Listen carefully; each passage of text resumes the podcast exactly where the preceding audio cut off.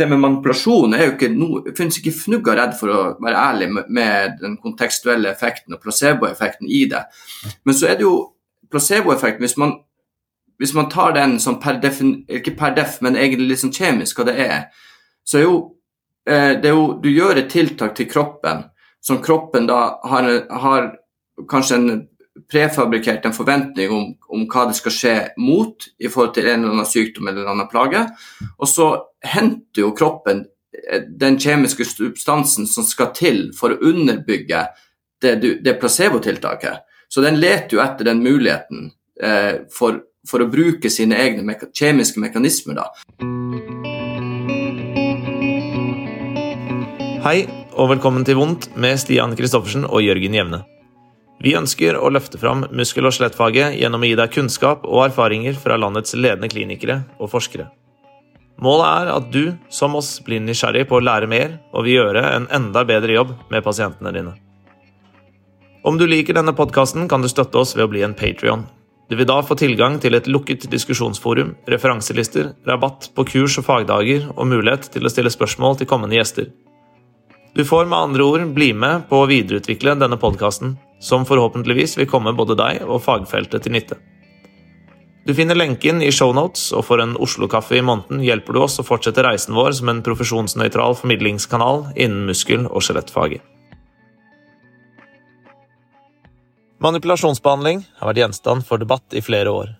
Mange utdanningsretninger og profesjoner er tuftet på manipulasjonens effekt på smerter og funksjon.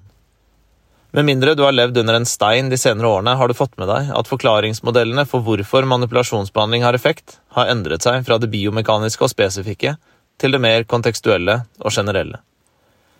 At tiltaket ikke har bedre støtte i litteraturen enn andre tiltak, har fått ivrige debattanter i det offentlige rom til å trekke sverdene og ønske død over manipulasjonen, og frata de som utøver det, rettigheter som fagpersonell.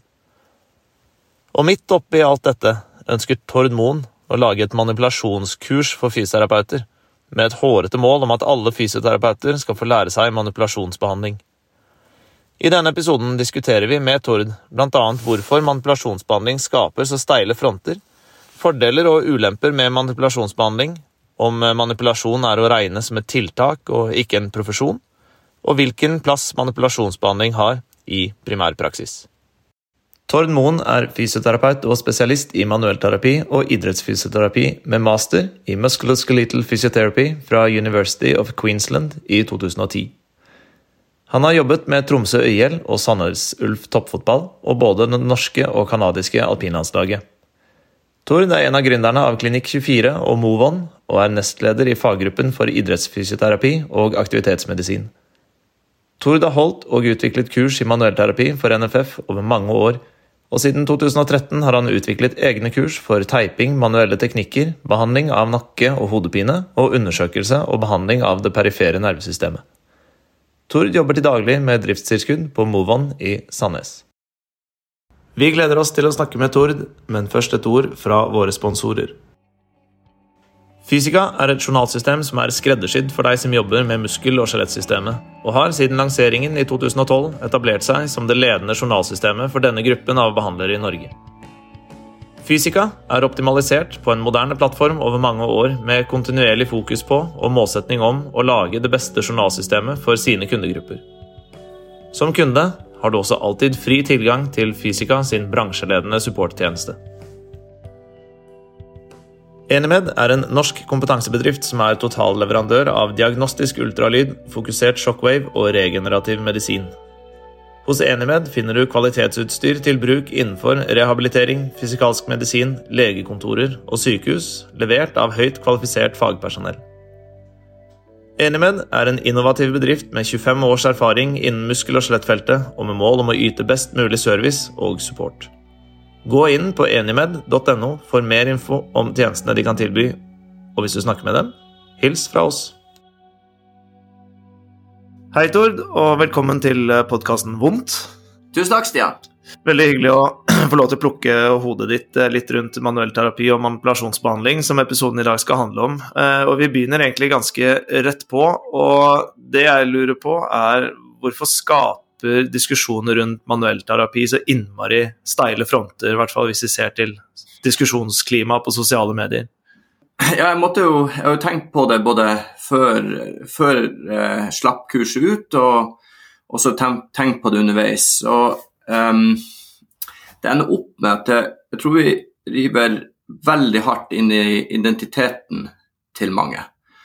Og, og der tror jeg jeg tenker at eh, en side av meg syns jo det mye av diskusjonen har vært veldig unødvendig, og, og egentlig kanskje egentlig ikke på sin plass, men så er det jo en side av meg som også må skape aksept for, eh, for at en gang var det litt sånn, eh, det med manipulasjon, at sannheten på manipulasjon var, var annerledes, og utdanninga tilknyttet til manipulasjon var annerledes. Og, og, og, de som kanskje kommer sterkest ifra den identiteten, så, så, det, så, tror jeg det er litt tøft når man, river, når man river i den og begynner å bevege veldig mye av manipulasjon inn i en annen retning. da. Det som kanskje har endret, eh, endret, seg mest opp gjennom eh, tiden, er jo forklaringsmekanismene bak manuell terapi og manipulasjon, kanskje mer fra det, fra det spesifikke i selve manipulasjonsintervensjonen, eh, og, og, over i de mer sånn kontekstuelle effektene som tar vekk noe av behovet for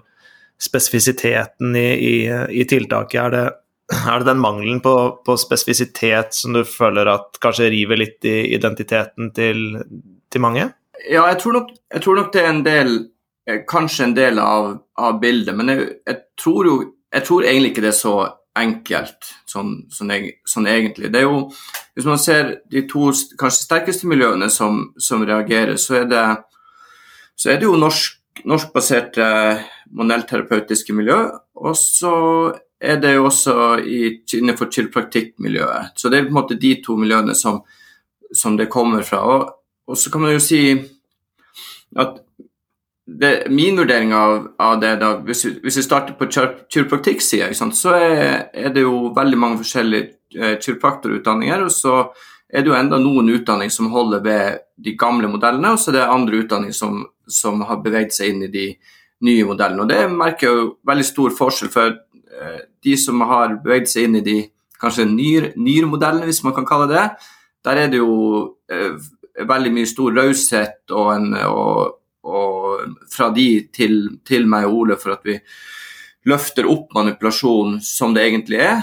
Og, og, og faktisk på en måte åpne for å tillate manipulasjon. Sånn at de, For det miljøet der har jo manipulasjon og eh, passive teknikker og alle sånne ting som ikke handler om kognitivt eller trening, så har det vært veldig fy-fy. Sånn at jeg tenker at for de for det miljøet så er vi jo med på å løfte frem muligheten. Mens for, for de som kommer ifra, ifra, en utdanning hvor det har hatt veldig mye med spesifitet å gjøre, mye med biomekanikk, biomekanikk å gjøre, en god del sånn eh, skremselsgreier på hvor farlige tingene er, eh, så, og, så, det, så, så, går jo det rett inn og bryter med kanskje det, veldig mye av det som er vedtatt vedtatt sannhet, veldig mye av det er måten man har jobba med pasienter, veldig mye av måten man har lyktes egentlig som terapeut, både økonomisk, også, men også som behandler.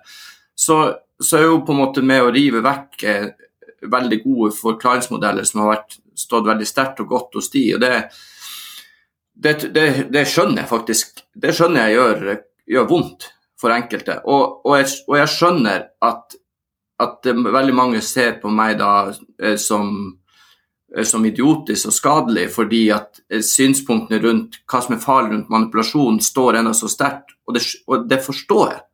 Så, så det, er, det, er, på en måte derfor jeg tror at den ene retninga syns det er utrolig kjipt, og den andre retninga syns det er utrolig bra, fordi at vi løft, får løfte frem og lov å gjøre manipulasjon. Absolutt. Det er jo det er vel få tiltak i, i, nyere tid i vår profesjon som har fått like mye dritt mot seg som, som manipulasjonsbehandling. Eh, kanskje særlig, særlig internasjonalt. Um, hvor, er det, hvor er det all den Det er feil å si ondsinnede, men hvor er det alt det negative søkelyset og all kritikken kommer fra? Hva er det vi hviler på en måte, kritikken av manuell terapi på? Jeg, jeg, tror litt sånn som du er inne på, Stian, at det at det kommer mye fra eh, mye internasjonalt. Og så kommer det også en del også og fra fra norske miljøer, og som jeg egentlig jeg tenker er veldig berettiget. Og, og, grunnen er jo at eh, manipulasjon og passive teknikker har jo opptatt ekstremt mye av eh, fokuset på pasientbehandlinger tradisjonelt, både i Norge og, og andre plasser. da.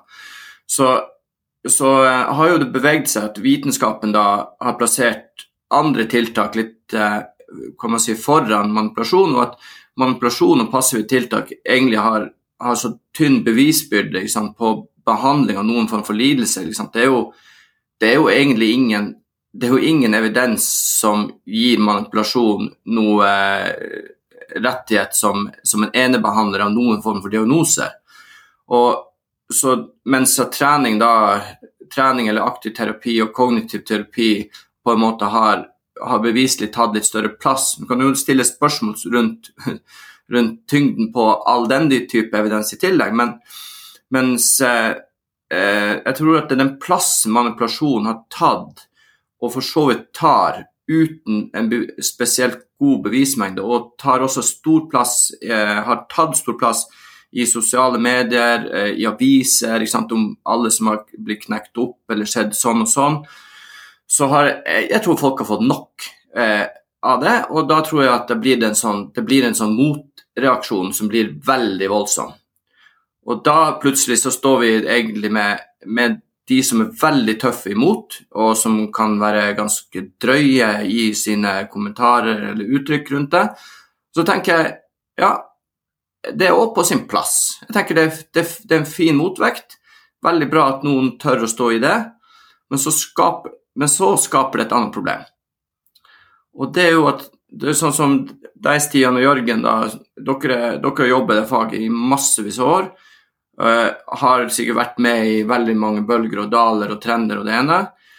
Og, og gått sikkert som meg og veldig mange andre at man går mange runder med Man lærer red cord, man lærer nåler, man lærer kanskje mulligan. Og så, så kommer det at det er ikke så populært, det er ikke så riktig.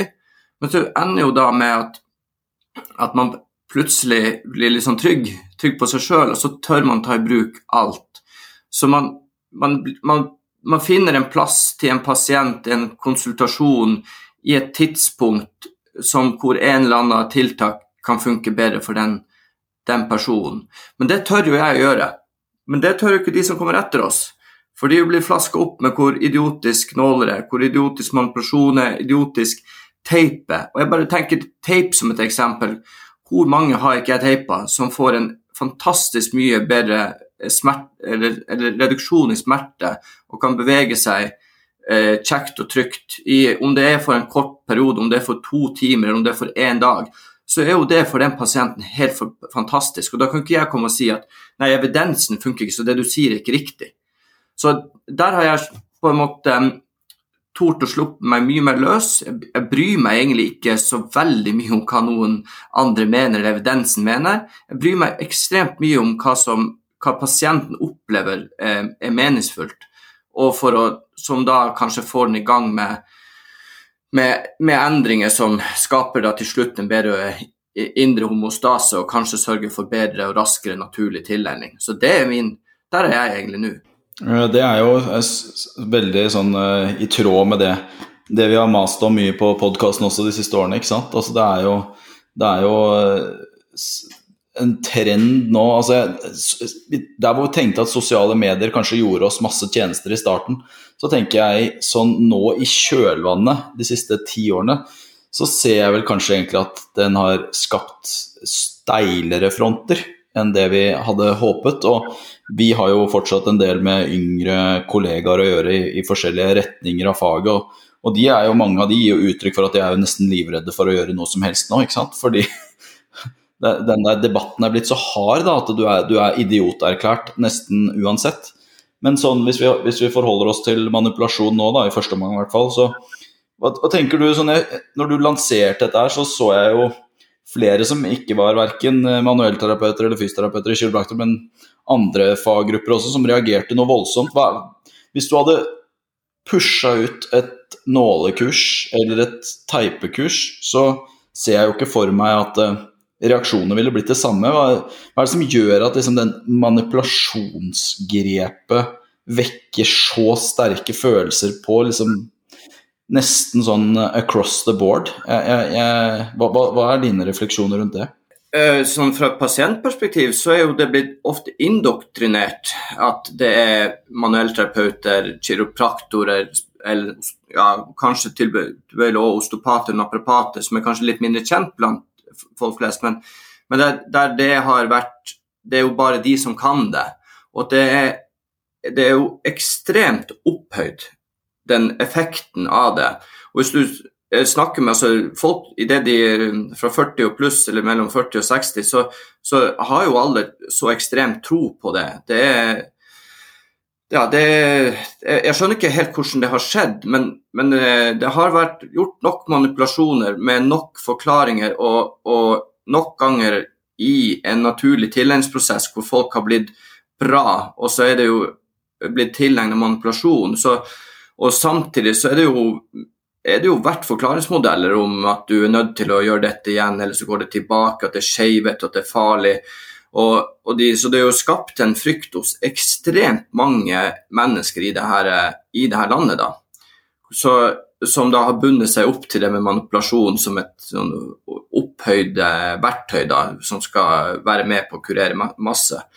Og det er jo, det er jo ja, i norske befolkninger, da men så har du jo, har du jo akkurat det samme, da. Den reaksjonen da når det kommer fra, man, fra manuellkiropraktorer, det, det, er jo, det er jo eh, Dette er jo en gullgruve. Altså Det å kunne manipulere har jo vært en gullgruve for mange. Og spesielt siden det er få som manipulerer, sånn sett ut ifra hvor mange som er terapeuter. Så klart, da, da, det, da har du tak på, på befolkninga når, når sånne akutte forbigående plager i rygg og nakke nakke, som er kanskje noe mest vanlige folk får, når det er forbundet med at du må raskest mulig bli manipulert, og gjerne ha litt vedlikeholdende manipulasjon, så, så, er det klart dette skaper jo dette skaper problem for veldig, veldig mange.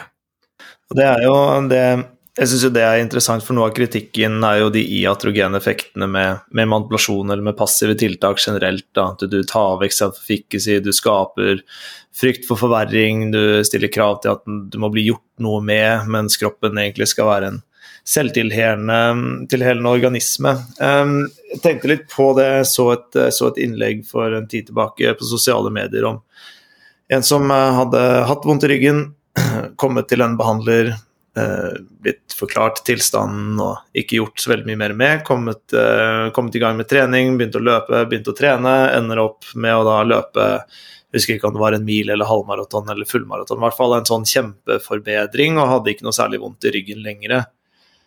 Og så tenker jeg sånn, Det blir jo da løftet fram som en sånn Se så fantastisk det er med på en måte denne tilnærmingen og den aktive tilnærmingen.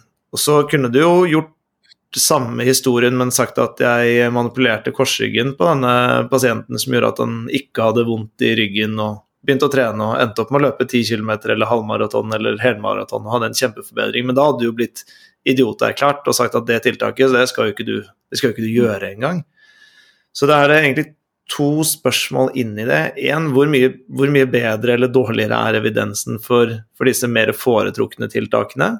Og to, har vi egentlig noe grunnlag for å si at de iatrogeneffektene av manuellterapi er så, så, store som det de blir løftet fram til?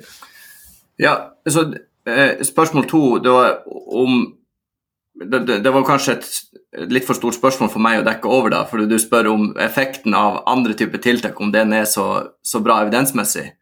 Og, og jeg, jeg, jeg, altså jeg, skal jo svare, jeg kan jo svare hvis Det, det spørs jo Det er som man roper i skogen, får man svar.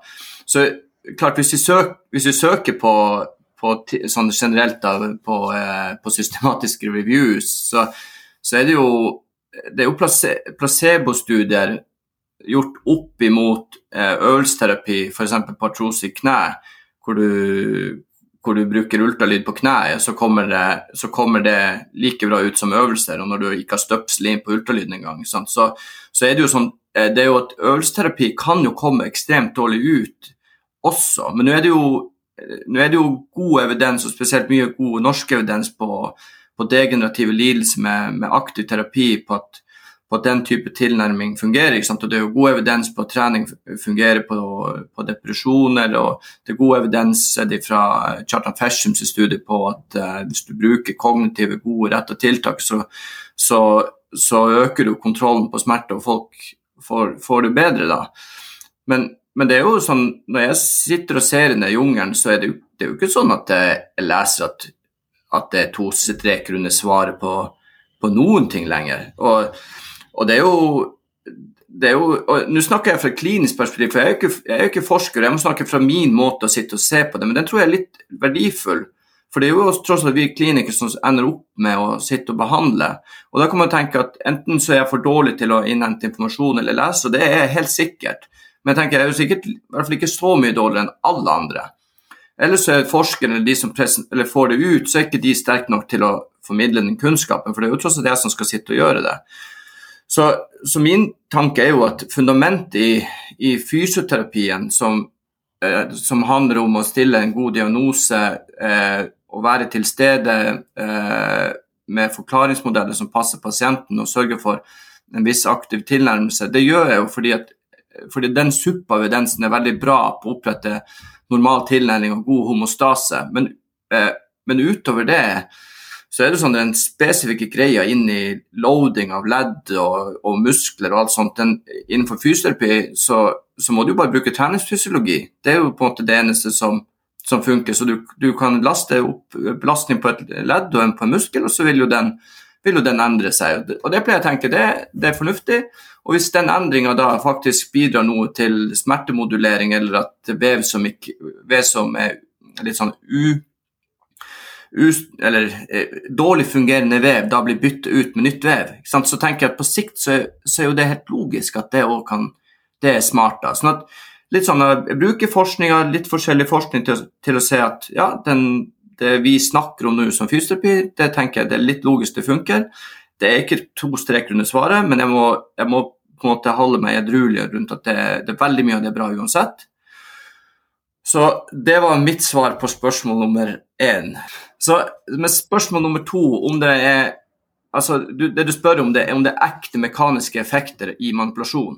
Nei, nei det jeg egentlig spør om, er, er disse altså Manipulasjon eller passive tiltak blir jo ofte fremsatt som at de har så negative effekter på sikt. Altså at du velger et aktivt tiltak fordi det har flere positive bieffekter, mens de passive tiltakene måtte ta vekk eh, graden av eh, egenmestring og troen på at kroppen er robust og sånt. Jeg, jeg ser i hvert fall veldig mye av kritikken mot manuell terapi, manuelle tiltak, gå i den retningen. da, At vi skal slutte med disse tingene fordi de har så negative konsekvenser for folk. Men rent evidensmessig så klarer jeg ikke helt å se at det skal fare så veldig galt med folk om vi velger å bruke disse tiltakene.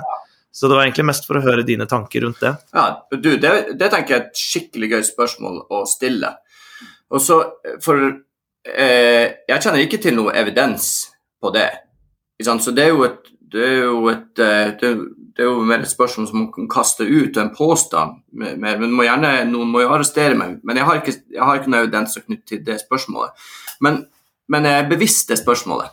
Og, og det, det, spørsmålet det tenker jeg på når jeg får inn, uh, får inn pasienter hver eneste gang. Hvis jeg går inn gang med tiltak hvor det er en viss risiko for at de kan på en måte bli eh, avhengig av meg, hvis man kan si det, da, eller avhengig av de tiltakene jeg gjør.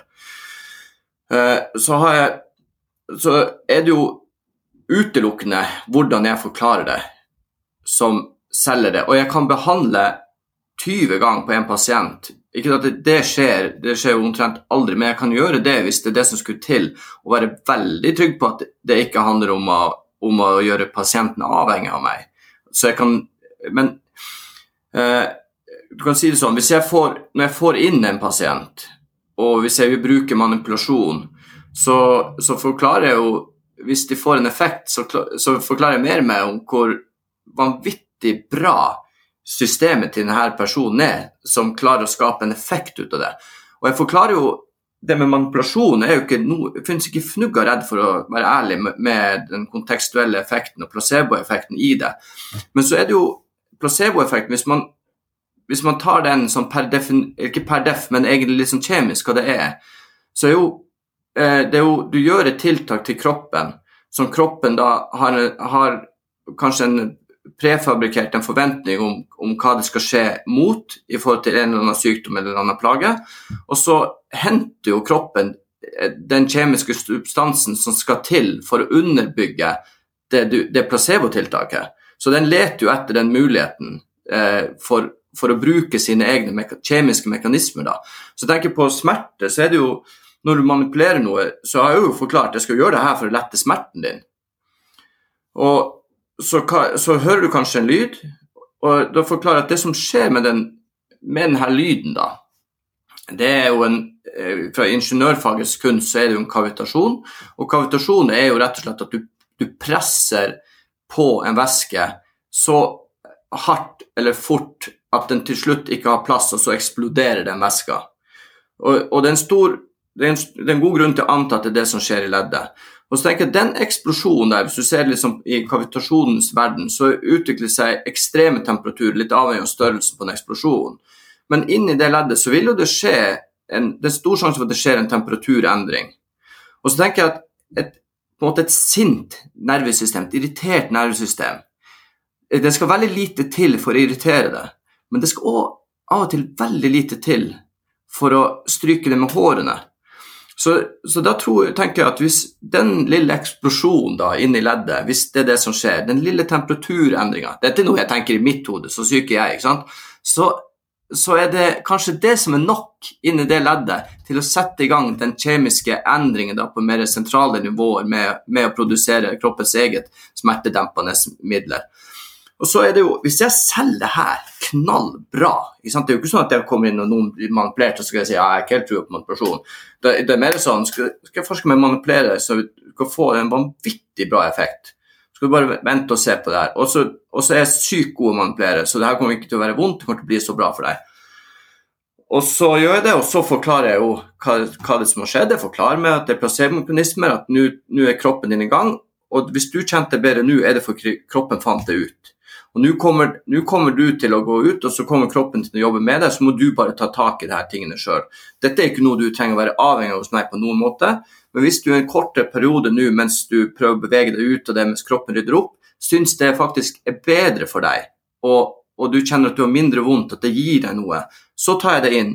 Hvis du er dus med at dette trenger vi ikke gjøre mer, og du er trygg på at jeg har sagt nå at dette går over, eller du kan gjøre ditt med datten, så er det fint, og det er fint for meg. Da trenger du virkelig ikke bli manipulert. Så det kan være, kan være ditt valg. Og, og, da tenker jeg jo at det med manipulasjon må jo være pasientens valg basert på informasjon fra meg. For hvis det funka, pasienten kjente mindre vondt, så må jo jeg drite i hva egentlig effekten. Det er jo totalt irrelevant. Det er jo ikke en vitenskapsperson som ble manipulert, det var jo en vanlig person på gata som da tror at kroppen funker, men hadde mindre vondt. Og hvis de har lyst til å gjenskape det, kom. Det går fint. Nå er vi over i den derre altså, Nå gikk vi jo på en måte litt fra politikken i det til det kliniske, som er eh, kjernen i dem, eh, i min, i min optikk i hvert fall. Jeg synes jo, eh, altså nå, nå, snakker du jo litt om virkningsmekanismer og, og kontekstuelle effekter og sånn, og det, det, føler jeg på en måte blir der vi må, det, vi må, det vi må diskutere. Men det jeg syns er litt sånn interessant som man observerer, eller har observert de siste mange år, det er jo at eh, et sosiale medier har skapt på en måte en sånn litt sånn falsk eh, falsk front av at det er oss og dem, på en måte. Eh, er, med, er, det sånn du har opplevd det? Altså, det er sånn, jeg føler at eh, i hvert fall det var en stund at diskusjonen var sånn Ok, hvis du, hvis du jobber med manuell terapi, så representerer du dette. Og hvis du jobber med aktive tilnærminger, så representerer du dette. Og så er dette bedre enn dette. Og så, altså det, sånn der, det, må ha vært en utrolig frustrerende tid å være ung terapeut i, uansett om du var kiropraktor eller fysioterapeut eller osteopat. fordi det, det, var jo, det, det, det, ga oss liksom en sånn falsk dikotomi om at uh, hvis du var glad i å drive med manuell terapi, da, la oss si du var det, så, så, så var du nesten sånn da drev du med et kaldt tiltak eh, og, og skapte avhengighet osv. Det, det er jo ikke det vi egentlig snakker om her. Dette er jo det som på en måte er litt sånn Det er ett tiltak med en uspesifikk virkningsmekanisme som vil da ha eh, veldig forskjellig effekt avhengig av mottakeren, tenker jeg. Og Eh, det er jo litt av den kunsten i klinikken, det er jo å se hvem, hvem som skal ha hvilket tiltak. Det er i hvert fall sånn jeg Det er i hvert fall min, min sånn regn, mitt regnestykke der, da. Men, men hvordan, hvordan, har du, hvordan, har du, tenkt på det idet du gikk i gang med å, å, selge dette, kan du si? da? Uh, ja, uh, jeg hadde jo mine tanker veldig rundt det. Og så hadde jeg en, en telefonsamtale med med Charta Vibe Fersum, som er, som er på Universitetet i Bergen. Og, og, og er, jo, er, jo, kanskje virkelig en av de, virkelig en av de flinkeste manuellterapeutene vi har her, i landet, og som har gjort mye, veldig mye bra forskning, og, og som sitter på utdanningssida der. Og, og prøvde å snakke, snakke litt om, ja, om, det med manipulasjon og, ja, og, aktiv rehabilitering og kognitiv. Og da, og da så arresterte han meg. Så sa han du kan ikke dele opp så sier jeg hva da, ikke dele opp? Du kan ikke dele opp de tre tingene. De tre tingene, de går i ett. Og, um, og så fikk jeg en til sånn aha. Det var sånn ute i kurs uh, nummer to, sånn halvveis ute i kurset, så det er en av, en av de som er deltakerne, som rekker opp en hånd og sa nå har jeg skjønt det. Så jeg hva da? Nei, det er, jo, det er jo vi som er metoden. Det er terapeuten som er metoden. Og det har jeg heller ikke tenkt noe på. Så det med å ikke skille, og så, og så tørre å være metoden Altså Metoden er ikke nål, det er ikke kognitiv, det er ikke det. det skjer, alt skjer hele tida. De rådene skjer når du idet de henter de inn eh, i, fra venterommet. Da begynner jo behandlinga med måten jeg går inn og tar de inn. Det, eh, manuelle behandlinger begynner jo når jeg, når jeg begynner å undersøke de, da begynner jo behandlinga for pasienten like mye, eh, minst like mye som å gjøre andre typer tiltak. Sånn at hele veien der så, så blir det sånn at det hele suppa putter jeg inn. Altså, så jeg styrer med alt sammen hele tida, og det skiller egentlig ingen av de greiene lenger. Og det er så utrolig kjekt å jobbe, for da kan jeg manipulere litt, eller, eller, eh, gnu litt, eller massere. Jeg er ikke redd for å massere litt i nakke heller. Før så kunne du ikke gjøre det engang. Så jeg kan gjøre masse tiltak, reteste, gi en enkel øvelse, teste knebøy eller en skulder, eller snu på, hod, på et hode. Og så ender jeg opp med, med å gi råd, gjøre passive behandlinger, kanskje teiper, og gir en øvelse i, i samme sesjon som det verdens mest naturlige ting. Og så har jeg det, har det virkelig kjekt på jobben. Jeg ser jo at pasientene har det veldig mye bedre. Fordi de, de der, Jeg går jo mye mer rett på sak. Jeg bruker jo veldig sjelden eh, sånn en, eh, noen den skolemedisinske undersøkelsene med å gå gjennom sånn og sånn og all den strukturen. for det, da får ikke jeg tid til å gjøre det som er viktig for pasienten. Så jeg tenker jo alltid hva er det pasienten vil, og så må jeg prøve å komme meg tettest mulig inn på inn på kjernen til pasienten, sånn at det er betydningsfullt for pasienten. For kanskje klarer jeg da å skape en sånn ekstra effekt av behandlingen, fordi at er veldig på det de hadde, de hadde ønska. Og så må jeg jo da selvfølgelig lage en, en god struktur og en plan, plan, for hva man skal gjøre videre for å, for å oppnå den, sånn, den, totale effekten av, eh, av behandlinga, eh, avhengig av hva det er. da. Og det er det, nå, Du beskriver jo min hverdag på en prikk. Uh, og det er jo det som jeg kanskje tenker er litt sånn Da kan vi jo på en måte bevege oss litt tilbake til den politiske sfæren. For det, jeg er jo både fysioterapeut og kiropraktor, og for halvannet år siden så intervjuet vi Ingrid Eitzen. Uh, og det tror jeg var akkurat passe subtilt at Stian nesten ikke hørte det engang. Men midt i podkasten så sa han jo Og Jørgen, du er jo alternativbehandler. Så, og så fortsatte hun sin, sitt argument, og det var sånn hva faen? det har jeg aldri kommentert på etterpå, men det, er jo litt av kjernen dette for meg. da, fordi som fysioterapeut så slipper jeg unna med mye fordi jeg er fysioterapeut. Men som du vet, Tord, så er dørene lukket for veldig mange av mine kollegaer eh, som er kiropraktorer rundt omkring i landet. Både på kommunenivå og på sykehusnivå og, og ja, i alle mulige settinger, egentlig. Og det, det er jo nettopp på premisset at kiropraktorer bedriver manipulasjonsbehandling, og manipulasjonsbehandling gjør, gir andre en rett til å sette de i en bås eh, hvor mm. det er et ineffektivt tiltak. Og da er jo selvfølgelig djevelens advokatspørsmål her hvorfor i all verden skal fysioterapeuter blande seg inn i den bøtteballetten der? Ja, og, vet du hva her Jeg har jo veldig mye tanker rundt alt det politiske og alt sånt der, og, og, og det er sånn Jeg kjenner masse flinke, flinke fysioterapeuter, og jeg kjenner masse flinke kiropraktorer. Og så kanskje det i begge de yrkesgruppene så finner, finner jeg folk som jeg er uenig med, som ikke syns er fullt så bra. Så, og så er det jo litt sånn historikken i kiropraktikken. Gjør jo, gjør jo ikke kiropraktoren noen god tjeneste innenfor det norske helsevesenet, men det gjør jo en god tjeneste innenfor hva det folk ønsker. ikke sant? Så, men så er Akkurat det samme kommer inn i min, da. For det er jo manuellterapeutene som manipulerer. Og det er jo stort sett de som har vært misfornøyd, er jo manuellterapeuter, og det, det skjønner jeg og det er jo helt logisk, da. Men så, så har jo tanken vært, da eh, Hovedgrunnen til at jeg fikk fingeren skikkelig ut av en viss plass og gjøre det her, og det var jo når Peter Lene sendte ut eh, det brevet til alle de kommunedirektørene om at manuellterapeuter var, var veldig lønnsomt og bra å bruke de. Og jeg skjønner virkelig godt ut fra hans perspektiv så at han ville fremme manuellterapeuter siden han er leder i en organisasjon. Og det, Han gjør en veldig bra jobb for manuellterapeuter i den organisasjonen, ingen tvil om det.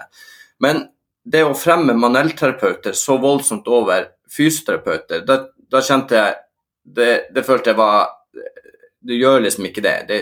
Du går ikke tar noen, og så hever du deg over de andre, og så, og så fremmer du deg sjøl så, så, inn i hampeskauen.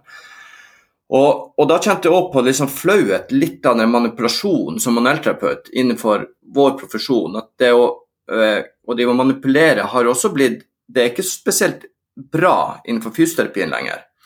Og, og det har jo òg vært at når du skal få tak i driftshjemler og sånt, så har det vært mange plasser at de har eh, valgt bort manuellterapeuter fordi at de bare knekker.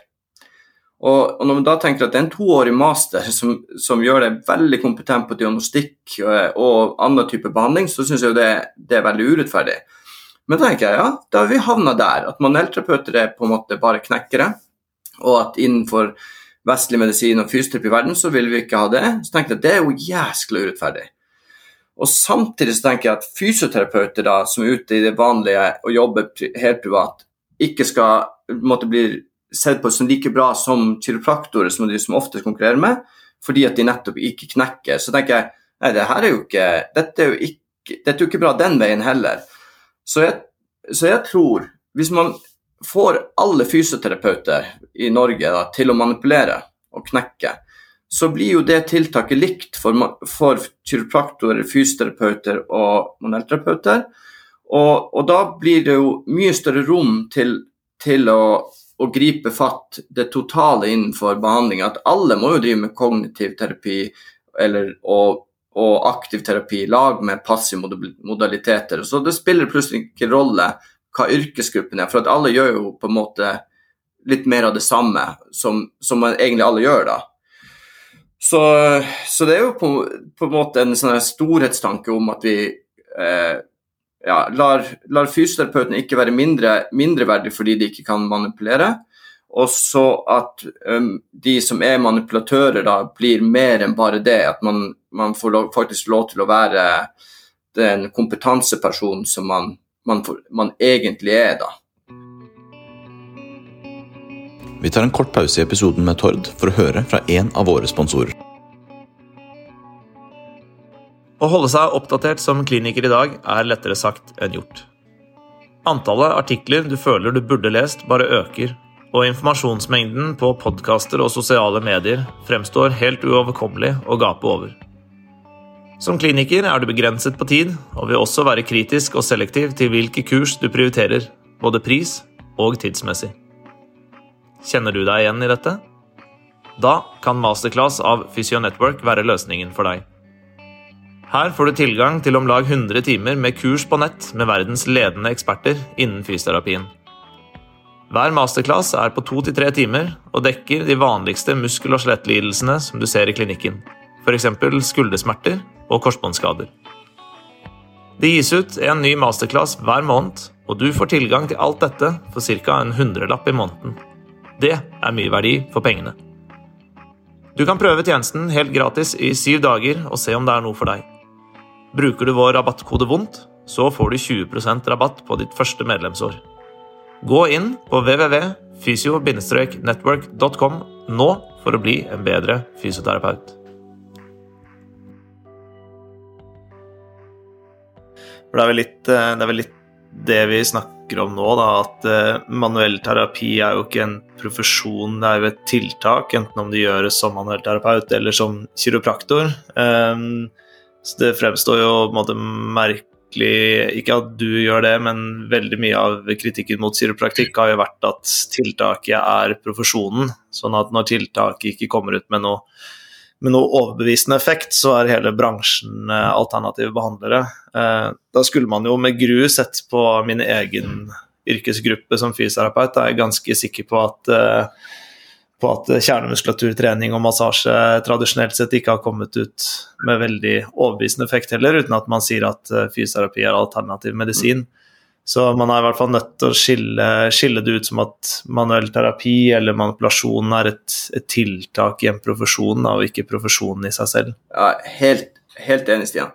Og Det er akkurat det som er. og Det, det er, jo, det er jo derfor den, når jeg har gått ut, så har det vært litt sånn Kanskje litt for drøy for mange om å trekke frem hvor enkelt det er. Og så, og så trekker jeg jo frem veldig mye av den evidensen som, som, ligger der ute med hvor uspesifikt tiltaket er. Du kan jo stort sett manipulere hvis, hvor du vil og få omtrent samme effekten.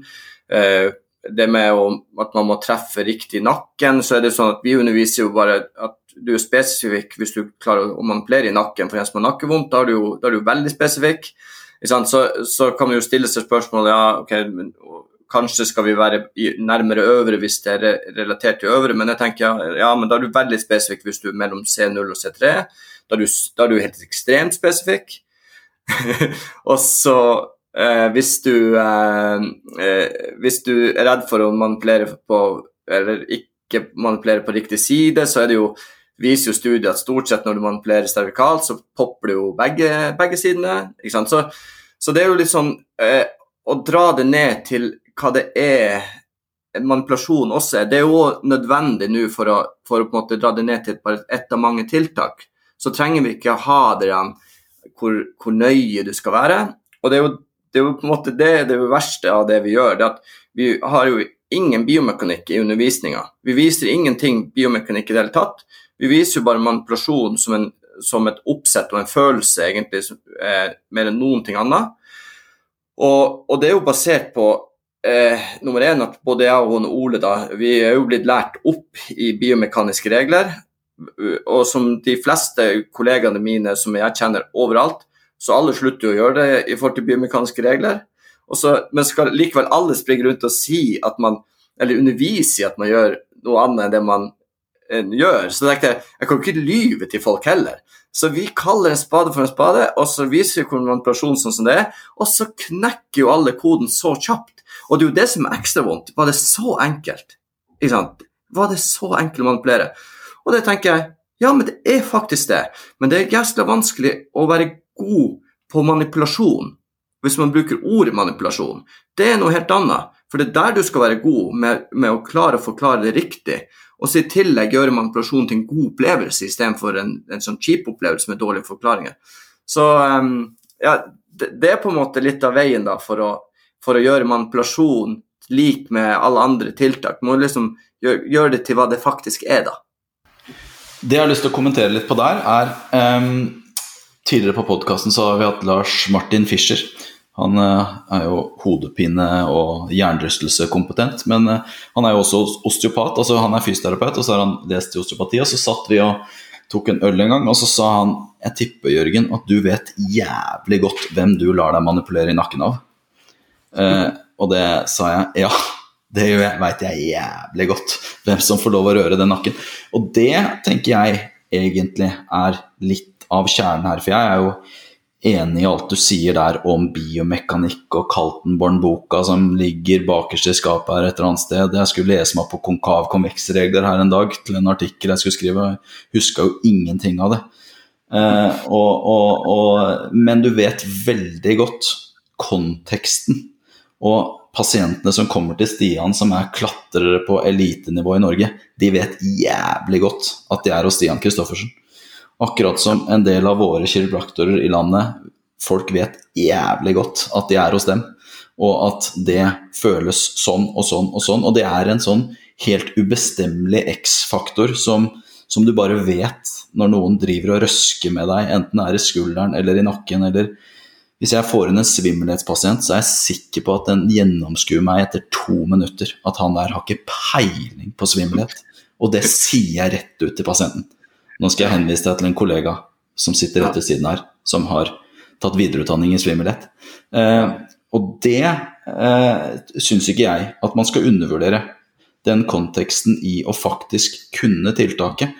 Og derfor er det også litt sånn, i hvert fall den reisen jeg har gått med meg selv, at eh, man må lande på en to, tre, fire tiltak som man ønsker å beherske. Fordi den suppa kan fort bli veldig stor. Og så driver du egentlig med en hel masse greier som du Jeg har f.eks. slutta å sette nåler, for det blei sjeldnere og sjeldnere og sjeldnere. Sånn at jeg til slutt den sjeldne gangen jeg følte at jeg trengte det, så huska jeg nesten ikke hvordan det var lenger. Mm. Uh, og det, det, den diskusjonen har jo også måtte, ikke vært lov til å ta i gåsetegn i sosiale medier, fordi man har vært så opptatt av å sette tiltakene i en bås, da, syns jeg. At det er liksom Ja, men vi trenger ikke å snakke om detaljene her, fordi det er, det er ferdig snakka. Uh, og, og, akkurat som Stian sier, hvis du, hvis, du, går inn i historien og ser på eh, Når jeg begynte, så var det jo McKenzie. Da drev vi jo med McKenzie alle sammen, og så plutselig så gjorde vi ikke McKenzie lenger. Det er jo litt pussig. Altså, og så da gjorde vi Mulligan isteden. Og, mm. og, og er, er, McKenzie på en måte plutselig blitt kjempedårlig på fem år? og nå er Mulligan kjempebra. ikke sant? Den reisen der, den Jeg tenker jo som du sier, at man må jo finne sin egen identitet. da, Men hvordan, hvordan går dere løs på det da, når dere skal snakke med folk om For det, det, det, handler jo om mengdetrening, dette også. ikke sant? Hvis du mm. manipulerer én nakke i måneden, så, så, så, blir det jo ikke et tiltak som du nødvendigvis behersker. Nei, det, og det er jo et uh, Hvis du Bare for å Evidensmessig, da, på det der med effekten av et av, av tiltak da, rundt manuelle tiltak, så ser man jo at det manuelle tiltaket du som terapeut har størst tro på, har jo størst sjanse til å lykkes hos, hos, en, hos en, pasient. da. Sånn, hvis jeg hadde fått fire tiltak og skulle gjort de med like bra bravur på en pasient, så ville det vært det tiltaket som jeg har størst trua på, som da ville merkelig nok eh, gjenspeilt seg i effekter på, på, på pasienten. Og så og vi snakker litt rundt det kurs, kurset vårt, så snakker vi jo Vi snakker veldig mye rundt de tingene. For det er tre dager, og så er de hjemme i halvannen måned, og så er det tre dager.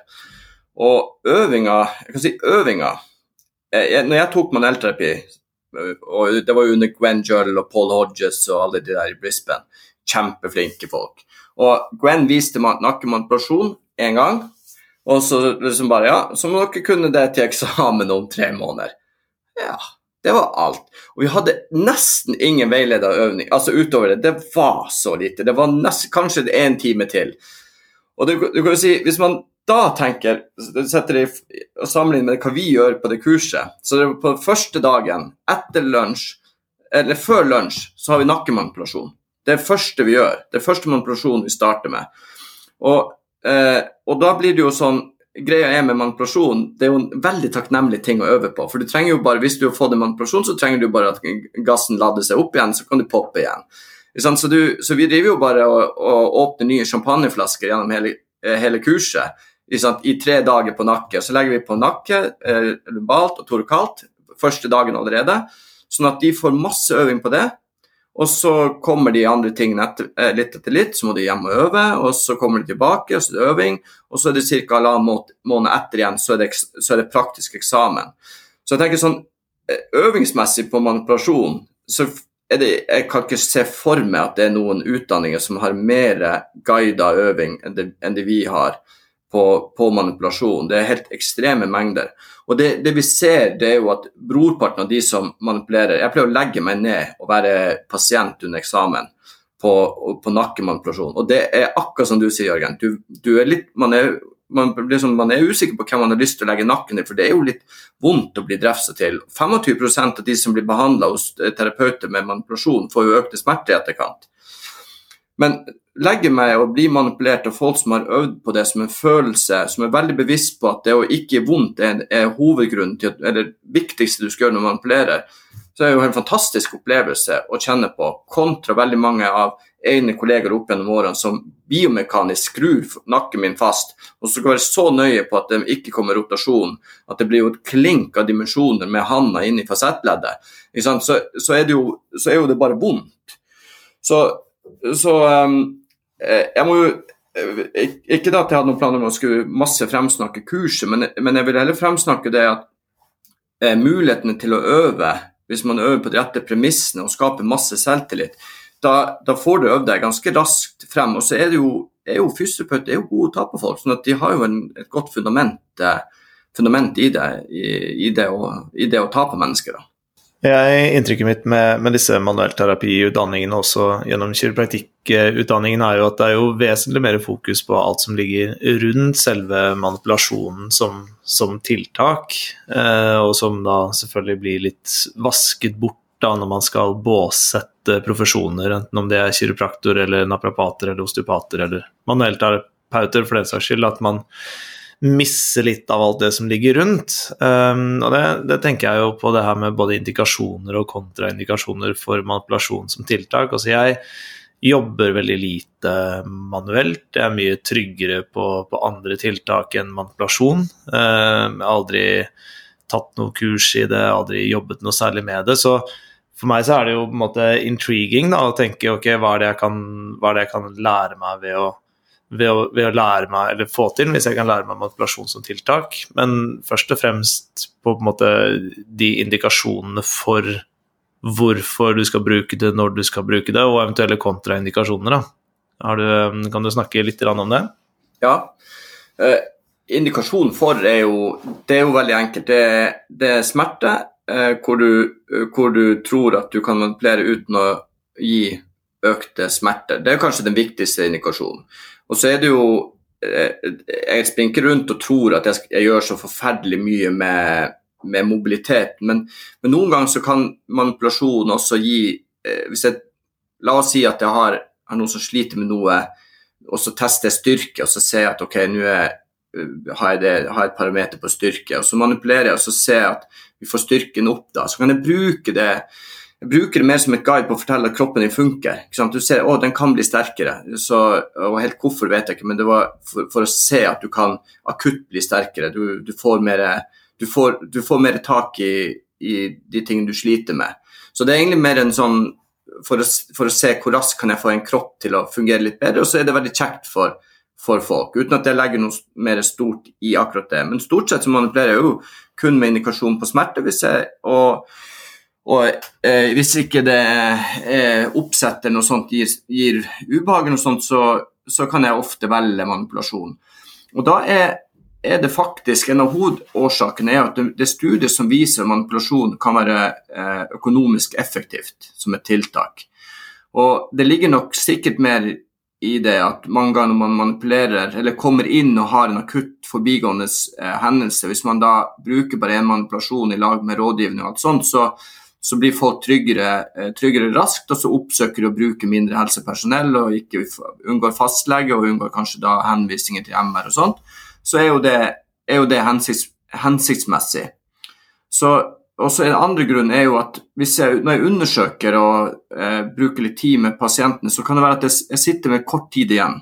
Og så er jo det ofte sånn for en person som kommer inn, at de, de har jo gleda seg til et tiltak, og en del har en forventning om manipulasjon eller har hørt om det.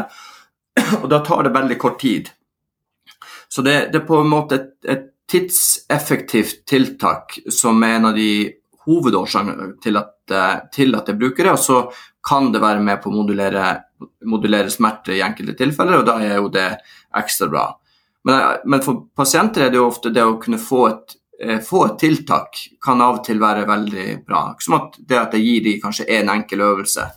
Men så, så det kan, For meg så er det ofte indikasjon er egentlig mer så enkelt. Jeg, jeg gjør ikke noe mer skvalder rundt det med indikasjon, egentlig. Det kan godt være at det er feil, altså, men, men det er noe sånn jeg gjør det i klinikken. Og jeg tror jo, jeg tror jo egentlig det er sånn alle gjør det.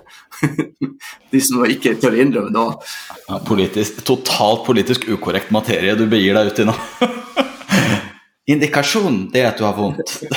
Men nei, nei, selvfølgelig. Det er jo det, er det, som er. Det er så mye myter og baluba rundt det her at uh, det, er jo, det, er jo, nok til å sitte her to kvelder antageligvis med øl og whisky og altfor alt mye gin and tonic. Men uh, jeg kan jo si, eh, Mange spør jo ofte meg hva var, det, hva var det som gjorde at du eh, ble kiropraktor. og Jeg trenger ikke å levere ut den historien sånn i, i lange drag, men eh, et av mine Det er jo for å kontre litt hva du sier her nå, da. Det er jo at en av mine sånn store sånn identitetsbrister, det var jo når jeg var i turnus som fysio. Jeg gikk jo tre år bachelor i Oslo. Så kom det en god venninne til meg. og og sa Jørgen, nå har jeg fått skiveprolaps. Jeg har en MRR L3 eller 4 eller noe sånt, jeg vet ikke, jeg sier hun, ikke sant. Og det stråler ut her og der, og hva gjør jeg nå?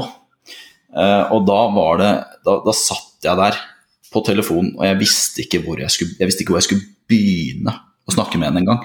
Eh, og, og, og jeg tenkte nå er du ferdig i turnus rett rundt hjørnet. Altså, du, du skal ut og jobbe. Du, du hadde ikke turt å ta inn din egen mor for å undersøke den ryggen. Og full disclosure, man kan si mye om min appetitt på kunnskap som 20-årig nyinnflytta til, uh, til Oslo.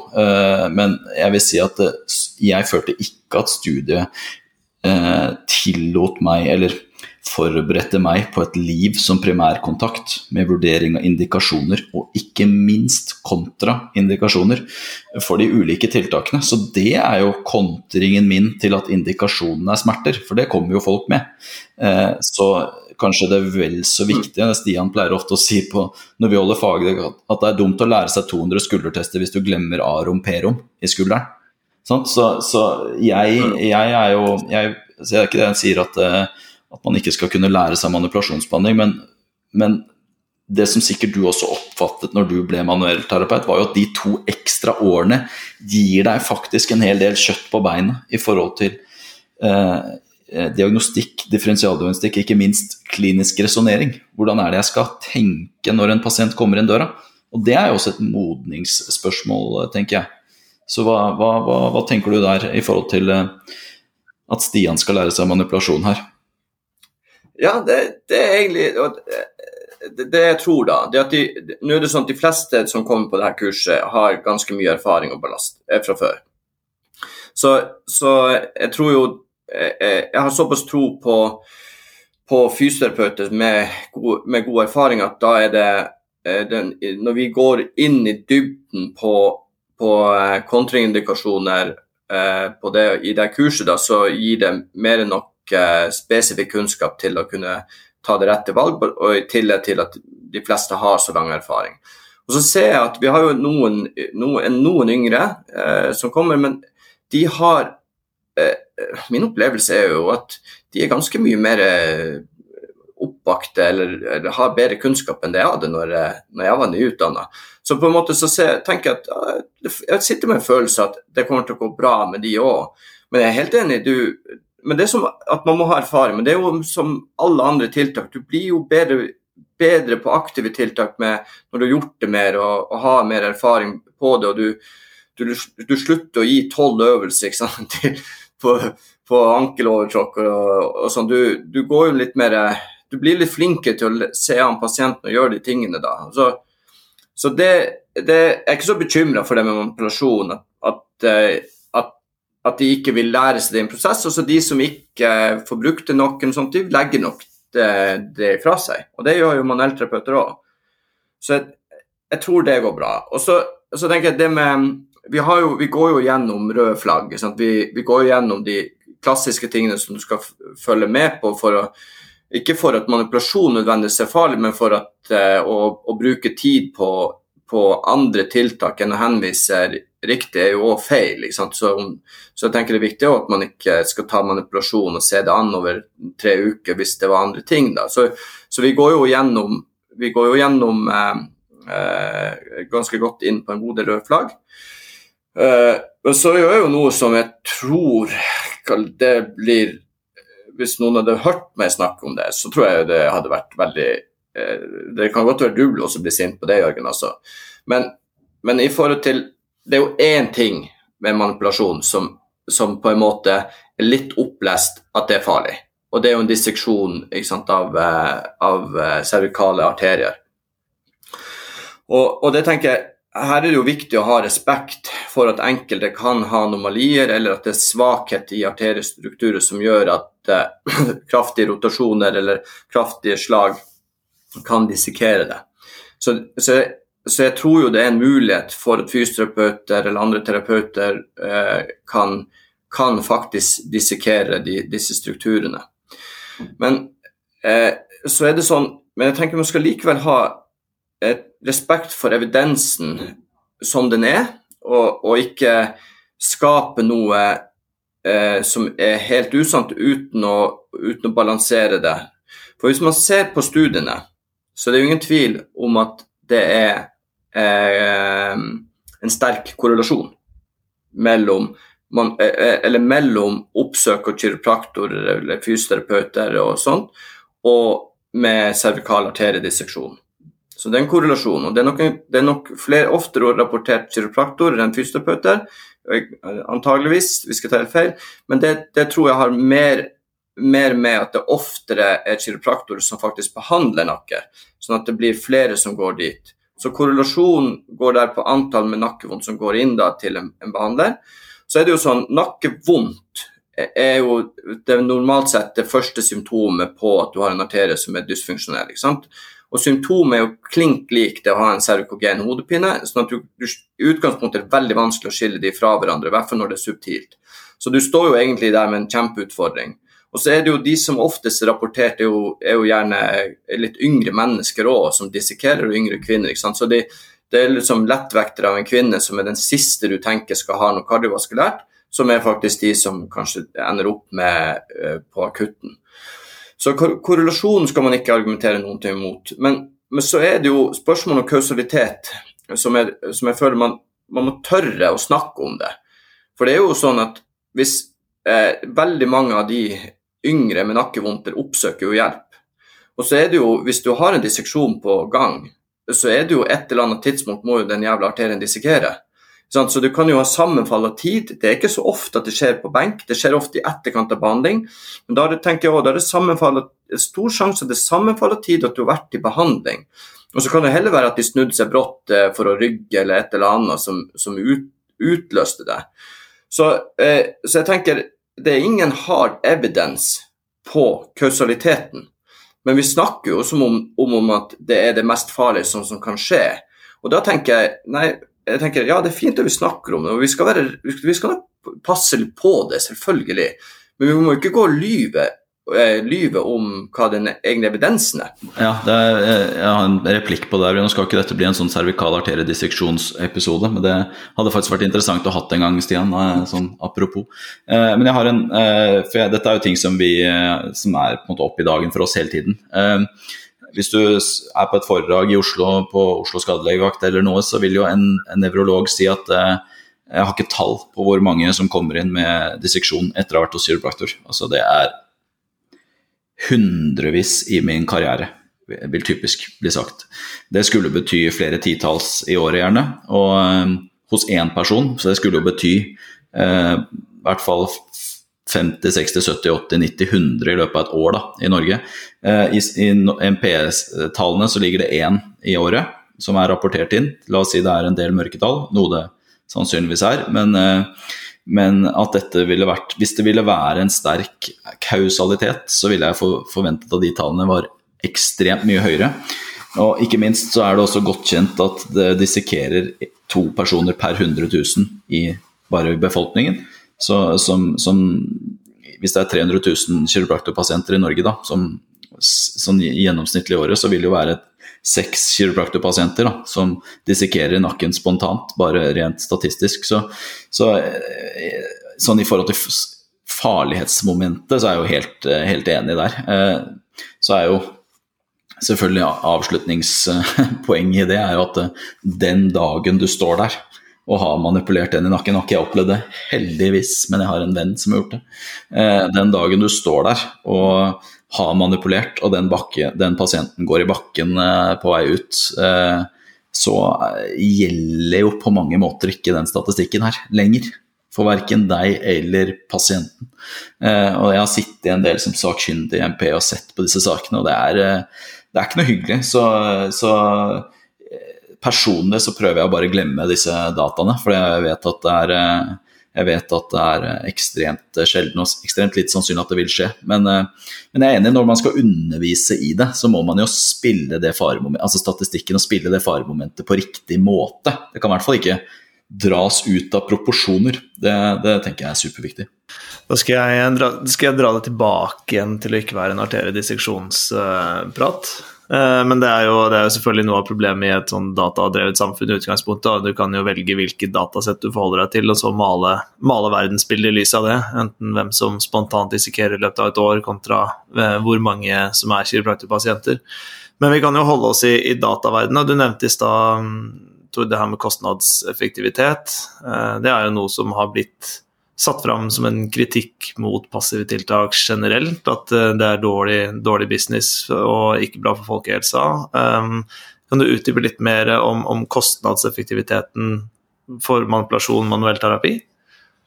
Eh, ja, jeg, kan ikke detaljene i de, i de studiene, det er ikke norske studier. Men, men eh, hvis man tar litt sånn, litt sånn logisk logisk sett da, i, i, den, i, den, formen for behandling, da, så er det jo Hvis du skal ta utgangspunktet i at det billigste du kan gjøre i det du har oppsøkt helsepersonell, er, er en konsultasjon. Så det, jo, det, vil jo være det ultimate, da. Da har du den ene, den ene kjøpte tjenesten. Og så, så, er jo tiden når, når, du får inn én pasient, så er det jo nummer én er jo å finne ut at det, det er ikke noe de skal dø av. Så hvis du har klarert det, så er du jo veldig godt på vei til, til å kunne nesten gjøre hva du vil for denne pasienten. Og så er det jo eh, klart Mengden av plager og tiden, tidsperspektivet i plager, vil jo også peke det i en retning om, om det i det hele tatt er rom for manuelle, manuelle behandling eller passive tiltak. Når det, når, det, er veldig mye som går galt, og søvn ikke funker, og, og, eh, ja, og smerte har vært over lang tid, trøbbel hjemme, trøbbel på jobb etc., etc., så er jo ikke dette en pasient hvor, hvor, jeg da tenker vi kommer ende med manipulasjon. Jeg er 100 sikker på at jeg kommer ikke til å manipulere denne pasienten basert på denne informasjonen. Men så har du jo de som kommer inn, jeg har vondt i en uke eller to eller tre, og, og, har vondt i nakke eller rygg eller en eller annen plass, og som gjerne forteller at det kanskje begynte å bli litt bedre. Sånn? Eller at du er såpass fersk og du kommer inn og litt sånn vindskeiv, som man sier i Finnmark. Så vet, da vet du at det her er jo også, dette med stor sannsynlighet en forbigående problematikk. Så i de, hos de pasientene så jo, må jeg jo likevel bruke tida på å ekskludere røde flagg, gule flagg. Og så sitter jeg jo igjen på, slutt, på slutten der med, med, kanskje veldig lite tid, kanskje ett minutt igjen. Og så er, så er det, så er det tank, tanken min da for en del av de, Hvis jeg kan gjøre noe som de får det litt bedre raskt. Så, og sammen med at jeg har forklart at Eller og så i etterkant av den behandlinga si at det her tror jeg går bra. Hvis de fikk effekt av manipulasjonen, så tenker jeg du, jeg tror det her går helt supert. Så i utgangspunktet nå så går det der over av seg sjøl innen så og så lang tid, og så eh, tar vi en liten mailkorrespondanse på det, og så, så, tror jeg ikke du trenger mer. Hvis det ikke var effekt, så tror jeg ikke at det blir effekt av manipulasjon i morgen eller om en uke. Altså, det er ikke sånn at jeg tror at det manipulerer, så blir det effekt. Jeg må prøve tre-fire ganger. Det, I mitt hode så funker ikke det sånn. Og det, Jeg sier ikke at det ikke kan være sånn, eller at noen andre har danna seg et bilde om at det funker sånn, er god til å selge inn det, og at pasienten kommer bra ut av det. Det, det, må, må, man jo bestemme sjøl. Men jeg gjør gjerne en manipulasjon på de.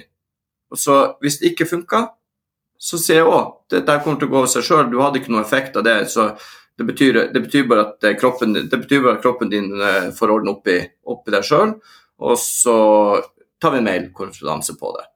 Så du kan si at det er nok konsultasjon i seg sjøl som er kostnadseffektive, men av og til så sitter pasienten med en følelse at de skal, vil ha et behandling og et behandlingstiltak for at de er fornøyd og, og egentlig kan gå videre. Og Da tror jeg manipulasjon, når du da har dårlig tid, er bedre enn å begynne å massere eller, eller, begynne å gi øvelser som kan ta tid. For stort sett så trenger ikke folk øvelser på akutte ting. De trenger bare å bli trygge på å komme seg i sin egen aktivitet. Så Derfor, ut fra et sånn samfunnsøkonomisk perspektiv, så, så, ser jeg at det er hensiktsmessig med, med manipulasjon brukt på den, på den riktige måten. da. Det er jo Jeg leste, leste, på Instagrammen din, tror jeg, her om dagen at uh, nytt år, nye muligheter, og i 2023 så skulle du Nei, det var bursdagen din, var det det? Var det nettopp på bursdag? Ja, ja. ja. ja, ja. At, uh, gratulerer med dagen for øvrig. At uh, det kommende året så skulle du uh, gi enda mer faen i janteloven og gjøre enda mer det du har lyst til å gjøre. Jeg tenker jo at du posisjonerer deg greit i den janteloven med tanke på at du har en kursrekke som på mange måter utfordrer utdanningsforløpet da, til både en mastergrad i manuell terapi, til kiropraktikk, delvis innen osteopati, naprapati. Hvordan, hvordan, er det å stå i den bøtteballetten der? Jeg hadde resignert for lengst, personlig i hvert fall.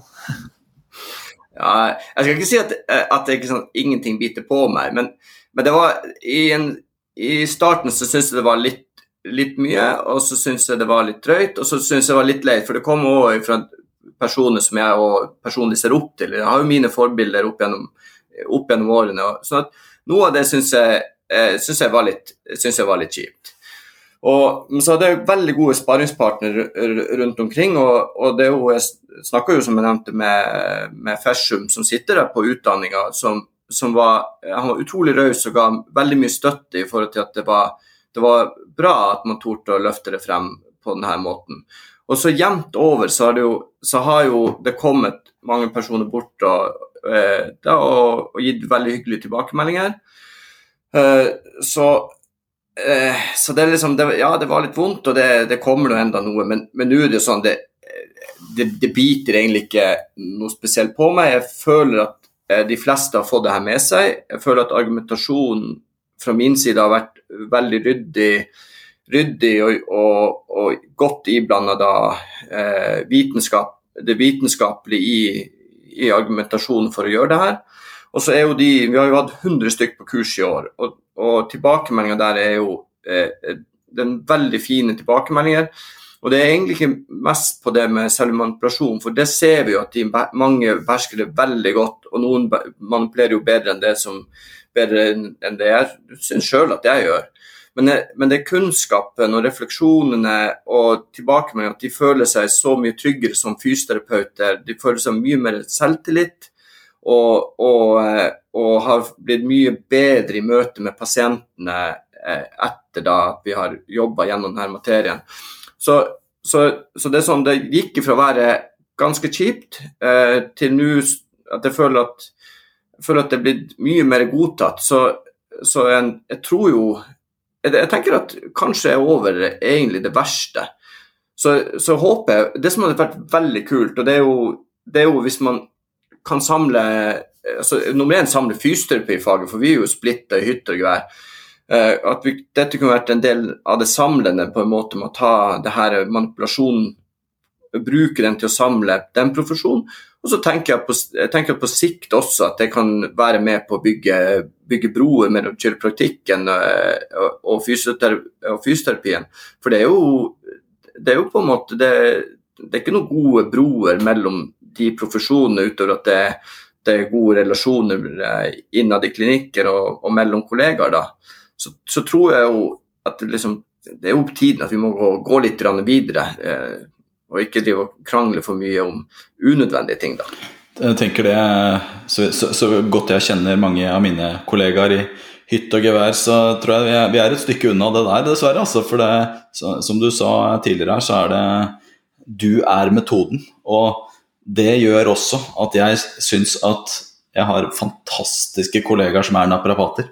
Eh, og, og, og, jeg skulle på en måte ønske at identiteten vår ikke var så forankra i hvilken profesjon du er, da. Og at ikke min, mitt liv eh, eller min karriere diktere, skulle dikteres så kraftig ut ifra hvilken profesjon du tilhører.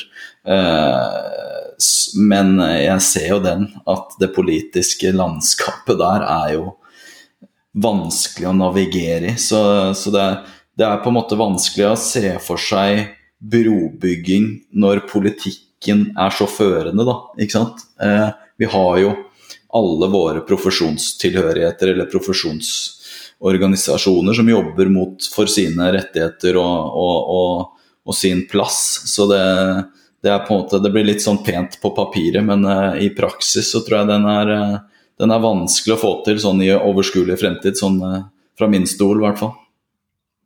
Jeg er helt sikker på at du har rett. Eh, men jeg tenker vi skal begynne å avrunde her. Men, eh, men det vi, vi holdt oss jo ganske sånn meta på, på politiske plan osv. Så, videre, så hva med å invitere til en ny prat om ikke så lenge om manuellterapi, og kanskje da manipulasjon spesifikt, da, med virkningsmekanismer og fysiologiske endringer og relevans for både oss og pasienten, og hvor lenge disse endringene varer osv. Det tror jeg er en prat som, eh, som, mange av lytterne kunne satt pris på. Ja, jeg har, eh, har litt, av den, litt, av den, materien nå. Så, eh, er, det, det, er mer For meg så er det litt sånn, det er sånn se og hør Se og hør-materie, kaller jeg det. ja. Men du, du, snakker jo med, med folk som altså du, du, fikk mye pes, du snakker med to folk som holdt et kurs som het Sexy Shoulder. Så vi har jo fått vår, eh, vi har fått vår eh, pes i innboksen, vi òg, av uh, fornærma, fornærma folk i faget. Så det, det, er ikke noe nytt, det. Nei, nei, det er sånn det Det, det må være litt sånn man må, man må, jeg tenker, Når man tør å stikke hodet frem, så skal man, man skal få litt tyn også, sånn at man blir, blir litt balansert. For man kan man, eh, hvis man ikke blir holdt litt igjen, hvis man er, hvis man er en rakett, altså, så, så, går det jo litt galt òg. Det er et godt poeng. Det er godt poeng. Så la oss, eh, la oss istedenfor at vi sier eh, farvel og takk for i dag, så sier vi på gjensyn. Og så, så tar, vi og, tar, vi og, spiller inn en episode til om, eh, om, litt andre ting i forhold til manuell terapi. Det tror jeg kan bli en, en fin prat. Ja, skal vi ja, må gjøre. Men da må dere være med og, da må dere være med og, og bidra mye. Og, det tror jeg vi må... Stian, Stian har masse å bidra med. jeg er sjukt god på å lese, se og høre, så det, det, det skal jeg få til. Nei, for, meg så er det jo, for meg så er det jo interessant å, å stå på utsiden av, av, dette med manipulasjonsbehandling og manuell terapi. Med at eh, det er tiltak jeg ikke benytter meg noe særlig av selv. Så kan man på en måte følge debatten litt mer sånn fra sidelinjen, da. Um, og synes jo på mange måter at eh, det dras ut av, av alle proporsjoner, egentlig, uten å, uten å, diskutere premissene i bunnen. Da. Så jeg er veldig glad for at vi fikk, eh, fikk, tatt litt av den praten i dag. Og så er kanskje, som du sier, disse fysiologiske virkningsmekanismene mer sånn icing on the cake i forhold til forståelsen, eh, forståelsen bak. Da. Men ja. jeg syns dette har vært en veldig fin prat. Ja. Så, Tord, det har for øvrig mye mer enn troa på snakke sammen om ting enn å slenge dritt over nett. Så det er glad for at vi kan få det mediumet her til å fungere sånn som vi gjør nå. Ja, det var veldig, det var veldig gøy, eh, gøy, eh, gøy, å være med på det. Dere er jo veldig lett å, å, å snakke med, så det var jo perfekt. Tidvis lett å like òg. Ja, ja, ja, men det er jo Nei, men Da tenker jeg, da sier vi tusen takk for nå, Tord, og så høres vi gjennom ikke lenge. Ja, takk. Ok. Ha det.